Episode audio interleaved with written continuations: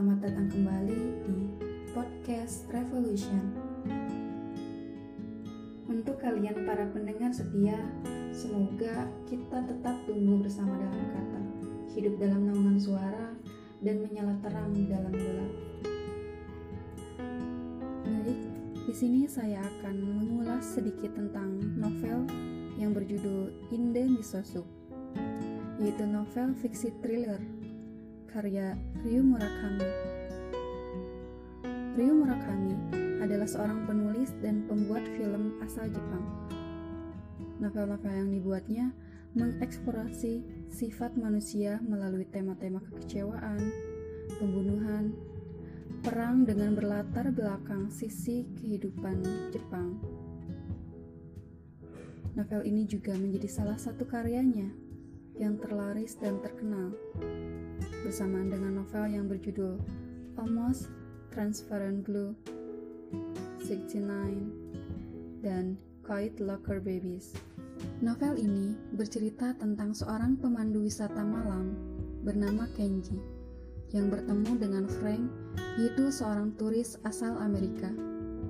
Kenji seorang pemuda berumur 20-an, namun karena tuntutan pekerjaan sebagai pemandu wisata yang tak jarang kliennya berasal dari luar negeri, sehingga ia memiliki kemampuan bahasa Inggris yang cukup bagus. Hingga pada akhirnya, Frank membuat kesepakatan dengan Kenji agar selama tiga hari ke depan, Kenji menjadi pemandunya. Di awal pertemuan, Kenji sudah menaruh curiga pada Frank.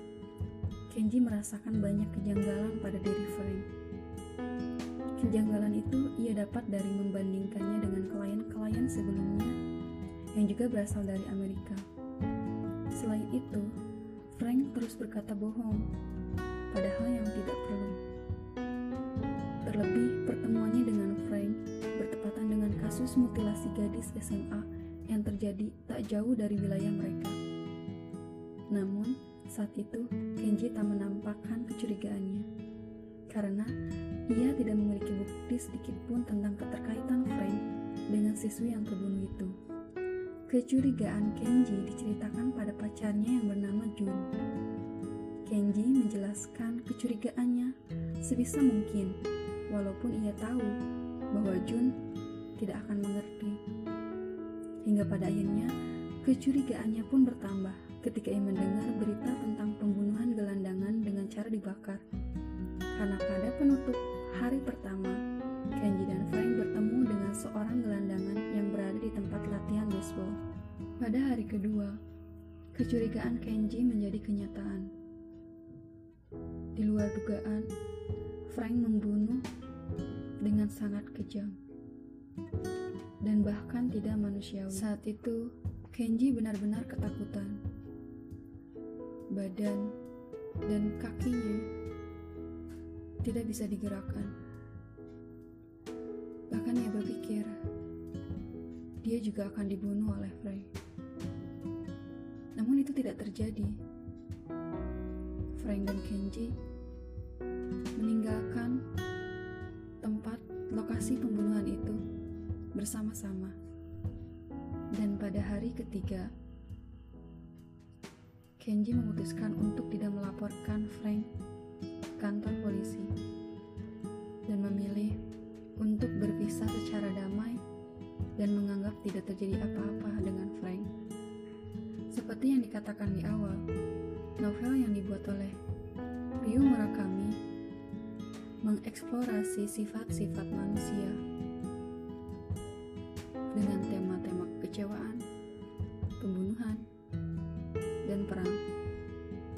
Walaupun novel ini berisi tentang cerita yang sangat mengerikan, namun terdapat kritikan tajam yang ingin disampaikan oleh penulis. Kritikan utama yang ingin disampaikan penulis adalah tentang kemunduran moral masyarakat Jepang saat itu, di mana pelacuran di Jepang bukan untuk mencari uang, bukan untuk bertahan hidup, namun hanya sekedar untuk menghilangkan rasa kesepian. Kemudian, penulis juga mengkritik melalui percakapan Frank, yaitu yang berkata, "Kau tahu Kenji, di negara miskin, meskipun mereka miskin, tapi di sana tidak ada gelandangan.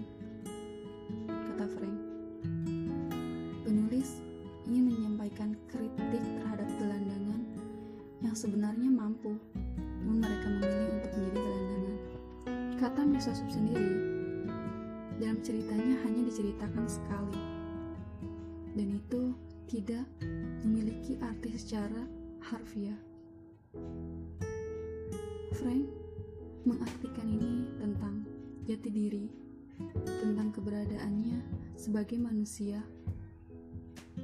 Yang menurutnya ia sebagai sayuran yang ada di dalam miso Novel ini tidak pernah sedikit pun kehilangan terornya.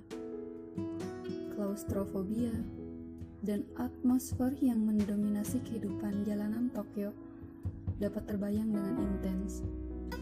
Begitulah puji Daily Telegraph. Dan begitulah isi dan makna dari novel yang berjudul Inde Wisoso